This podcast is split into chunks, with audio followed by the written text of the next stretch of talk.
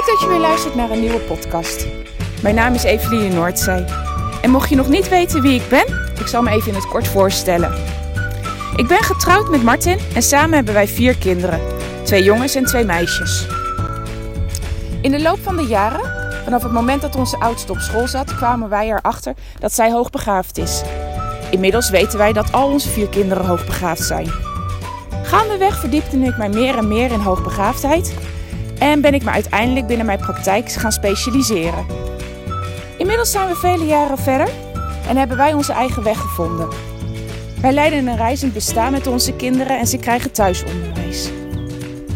Naast mijn blogs ben ik ook gestart met het opnemen van podcasts.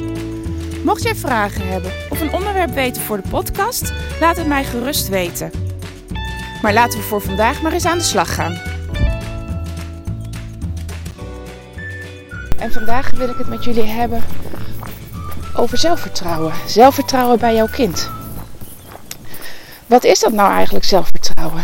Nou, zelfvertrouwen houdt in dat je vertrouwt op jezelf, dat je iets kan, of dat je mogelijk iets nieuws kan, kan leren, kan ontwikkelen, wat je nog op dit moment nog niet beheerst. Dat is eigenlijk in het kort gewoon zelfvertrouwen. Het vertrouwen op jezelf. En ik hoor heel vaak ouders zeggen dat hun kind geen zelfvertrouwen heeft. Dat vertrouwen wat ze moeten hebben om iets nieuws aan te gaan of iets nieuws te leren, dat dat ontbreekt en dat ze het daarmee liever ja, proberen te omzeilen, eronder uit te komen, aan te geven dat ze het toch niet kunnen, het niet doen, het niet aanpakken, het niet oppakken.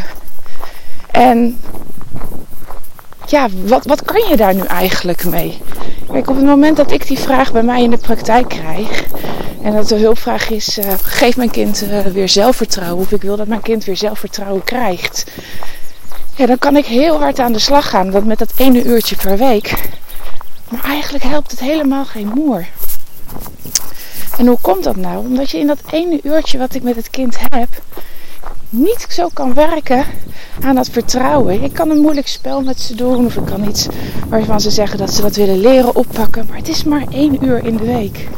En op het moment dat al die overige uren in de week, en dat zijn er nogal wat, er een situatie om het, heen om het kind heen gecreëerd is, die hem niet die uitdaging biedt om net even een stap te zetten, of net niet de begeleiding krijgt om die stap te maken, ja, dan zet dat ene uurtje per week totaal geen zoden aan de dijk.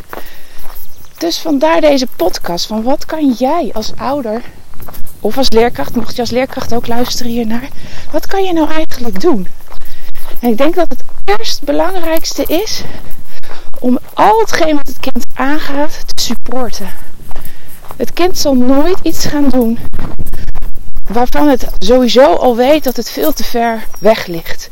En het is eigenlijk een simpele voorbeeld waar ik gister, uh, wat ik gisteren zag bij mijn eigen kinderen in het bos.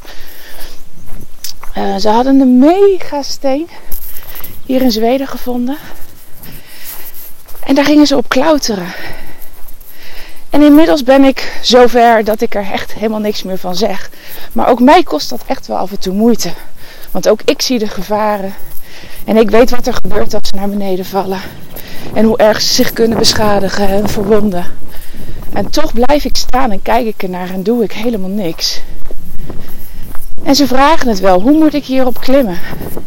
En wat kan ik nou toch eigenlijk, hoe kom ik hier nou eigenlijk op? En uh, kan je me niet even uh, helpen?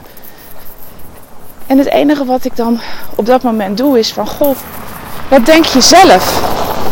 Nou, dat zal ik nog even herhalen, ik kwam net een auto langs. Wat denk jij zelf? Hoe denk jij zelf dat je erop kan? Probeer het maar. En uiteindelijk, hè, met vallen en opstaan, want echt, ze glijden er wel eens vanaf en ze proberen het nog een keer. Is het ze gelukt om op die hele hoge stenen te klauteren, die rotsen.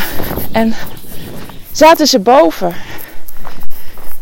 En daarmee creëer je zelfvertrouwen. Want vanuit henzelf hebben ze het voor elkaar gekregen. Vanuit henzelf hebben ze het voor elkaar gekregen om iets te doen waarvan ze wel het vermoeden hadden dat ze het konden, maar eigenlijk nog niet het vertrouwen in hadden dat ze het konden. En nu hebben ze, kunnen, hebben ze geleerd dat ze op zichzelf kunnen vertrouwen. Dat ze dit echt wel onder de knie kunnen krijgen. En eigenlijk gedurende de hele dag zijn er tal van dit soort momenten die jij als ouder kan ondersteunen bij het vergroten van het zelfvertrouwen van het kind. En dat is niet om te zeggen dat doe je fout en dat doe je fout en dat doe je fout. Maar heel veel ouders zeggen continu: doe maar niet, straks val je nog. Doe maar niet, straks gaat het mis. Doe maar niet, dat is zonde van de spullen. Dus als het niet lukt. We zijn eigenlijk continu aan het beperken wat het kind denkt aan te kunnen of te kunnen. En zolang jij als ouder dit blijft beperken, ontneem je je kind ook de kans om wat vertrouwen in zichzelf op te bouwen. Dus, en ik hoop dat je me nog hoort, want het uh, nogal. Hoop ik dat je vanaf nu gaat proberen wat meer los te laten. En het kind maar het gewoon te laten proberen. Laat ze maar fouten maken, laat ze maar struikelen, laat ze maar letterlijk vallen. Binnen beperken, dat snap ik ook. Als je kind in het water valt zonder zwemdiploma, dan is dat toch natuurlijk wel uh, iets te heftig. Maar ik denk dat je vast wel begrijpt wat ik bedoel. En ze leren ervan. Want kinderen die zijn flexibel, die huilen even, die staan weer op. En die proberen het nog een keer.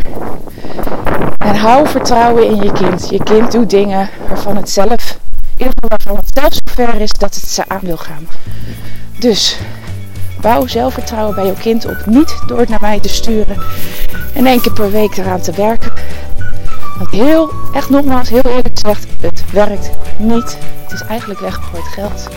Maar ga zelf aan de slag. Hey, succes en een fijne dag.